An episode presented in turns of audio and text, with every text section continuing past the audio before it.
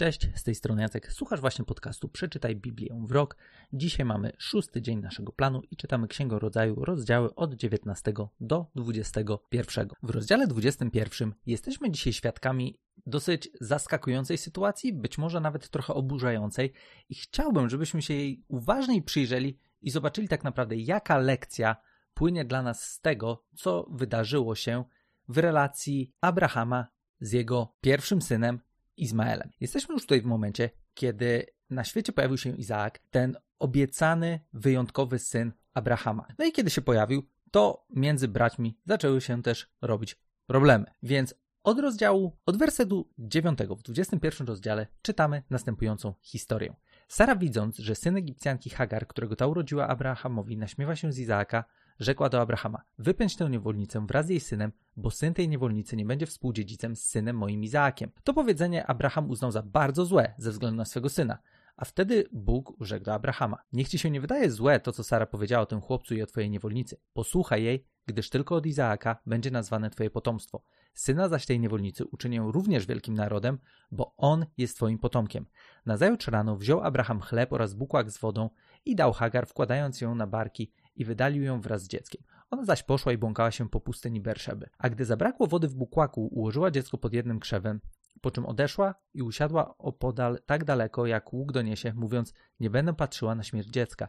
I tak, siedząc opodal, zaczęła głośno płakać. Ale Bóg usłyszał jęk chłopca i anioł Boży zawołał do Hagar z nieba. Cóż ci to Hagar? Nie lękaj się, bo Bóg jęk chłopca tam... Cóż ci to Hagar? Nie lękaj się, bo usłyszał Bóg jęk chłopca tam leżącego. Wstań i podnieś chłopca i weź go za rękę, bo uczynię go wielkim narodem. Po czym Bóg otworzył jej oczy i ujrzała studnię z wodą, a ona poszła, napełniła bukłak wodą i dała chłopcu pić. Bóg otaczał chłopca opieką, gdy dorósł. Mieszkał on na pustyni i stał się łucznikiem.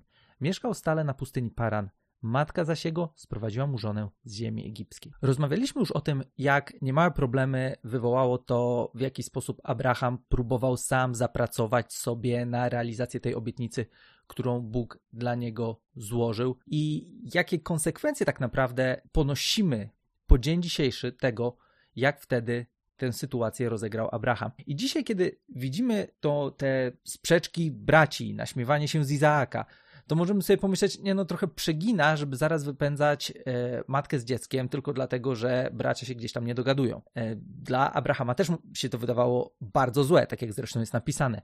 Niemniej jednak Bóg ku zaskoczeniu może nie małemu na początku powiedział, nie, to jest w sumie dobry pomysł. Możemy sobie pomyśleć, no nieźle, nieźle. O co chodzi z tym Bogiem, w ogóle wygonić matkę z dzieckiem na pustynię, no trochę przypał. Niemniej jednak, historia potoczyła się w taki sposób, że widzimy w tym tak naprawdę ogromną troskę Boga o każdą osobę, która gdzieś jest związana z jego planem. I pomimo tego, że Izmael nie był częścią obietnicy, nie był częścią tego wielkiego planu ratowania ludzkości, którą Bóg zaczął rozwijać od samego początku Księgi Rodzaju, to mimo to, kiedy Bóg powiedział, żeby Abraham zrobił dokładnie tak, jak żona mu powiedziała, to jednocześnie miał już przygotowany plan ratunkowy dla zarówno dziecka, jak i matki.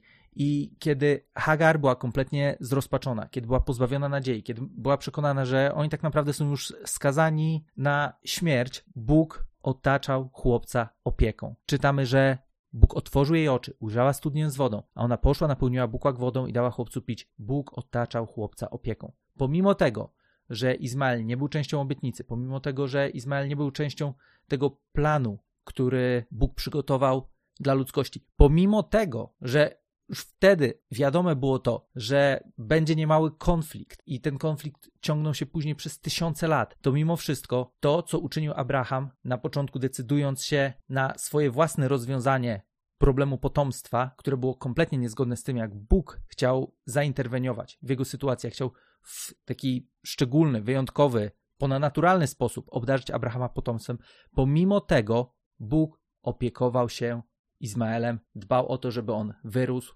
pomimo tego, że nie było dobre z jakiegoś powodu to, żeby Izmael i Izaak wychowywali się razem, co w sumie niekoniecznie brzmi jak taki głupi pomysł, skoro chłopaki od samego początku się nie dogadywały, to jednak to, że oni zostali oddaleni, nie sprawiło, że Bóg się od nich odwrócił. I to jest bardzo ciekawa lekcja dla nas na dzisiaj, bo często czytając Stary Testament, możemy sobie myśleć, jaki straszny jest Bóg, czego ten Bóg chce, co tutaj się takiego dzieje, dlaczego Bóg jest taki surowy wobec niektórych ludzi. Tutaj to już jest jedna z tych historii, kiedy widzimy, że tak naprawdę, kiedy Bóg daje obietnicę, nawet jeżeli człowiek w tej obietnicy mie miesza, kiedy ten plan zaburza, kiedy kombinuje po swojemu, kiedy wiąże się to z bardzo konkretnymi konsekwencjami, to Bóg mimo wszystko bierze na siebie odpowiedzialność tego, żeby zaopiekować się również Izmaelem, który Bogu ducha winny. Po prostu ojciec podjął kiepską decyzję. Nie zmienia to jednak tego, że Bóg zadbał również o niego, zadbał o jego matkę i zadbał o to, żeby z Izmaela również wyrósł naród, który no później zdecydowanie, jak będziemy widzieć, e, nie będzie się za bardzo dogadywał e, z tą częścią e, rodziny Abrahama, która pochodzi od Izaaka. Ale to już jest kompletnie inna historia. Lekcja na dzisiaj dla nas jest taka, że nawet w sytuacjach, kiedy może się nam wydawać, że Bóg nas nie widzi, że Bóg, nie wiem, jest daleko od nas, że Bóg nie zwraca na nas uwagi, to patrząc na całą historię Izmaela, możemy uczciwie i szczerze przyznać, że Bóg widzi, Bóg się troszczy, nawet o tych, o których z pozoru nie musiałby się troszczyć. Ileż bardziej o tych, wobec których jasne jest to, że ma plan, który też pokazał w osobie swojego syna tysiące lat później. Dzięki, że jesteście z nami. Jeżeli macie dodatkowe pytania związane z tą historią albo z innymi historiami, które w tym roku czytamy, czytając Biblię od początku do końca, zapraszamy do grupy na Facebooku Przeczytaj Biblię w rok. Kiedy wejdziecie na stronę bibliawrok.pl, traficie do grupy i tam możemy sobie dalej dyskutować, tam możemy rozmawiać i jeszcze bardziej pogłębiać to, co dzieje się tutaj w tych tekstach szukać odpowiedzi na trudne pytania. bibliawrok.pl. Do zobaczenia tam i do usłyszenia w kolejnym odcinku.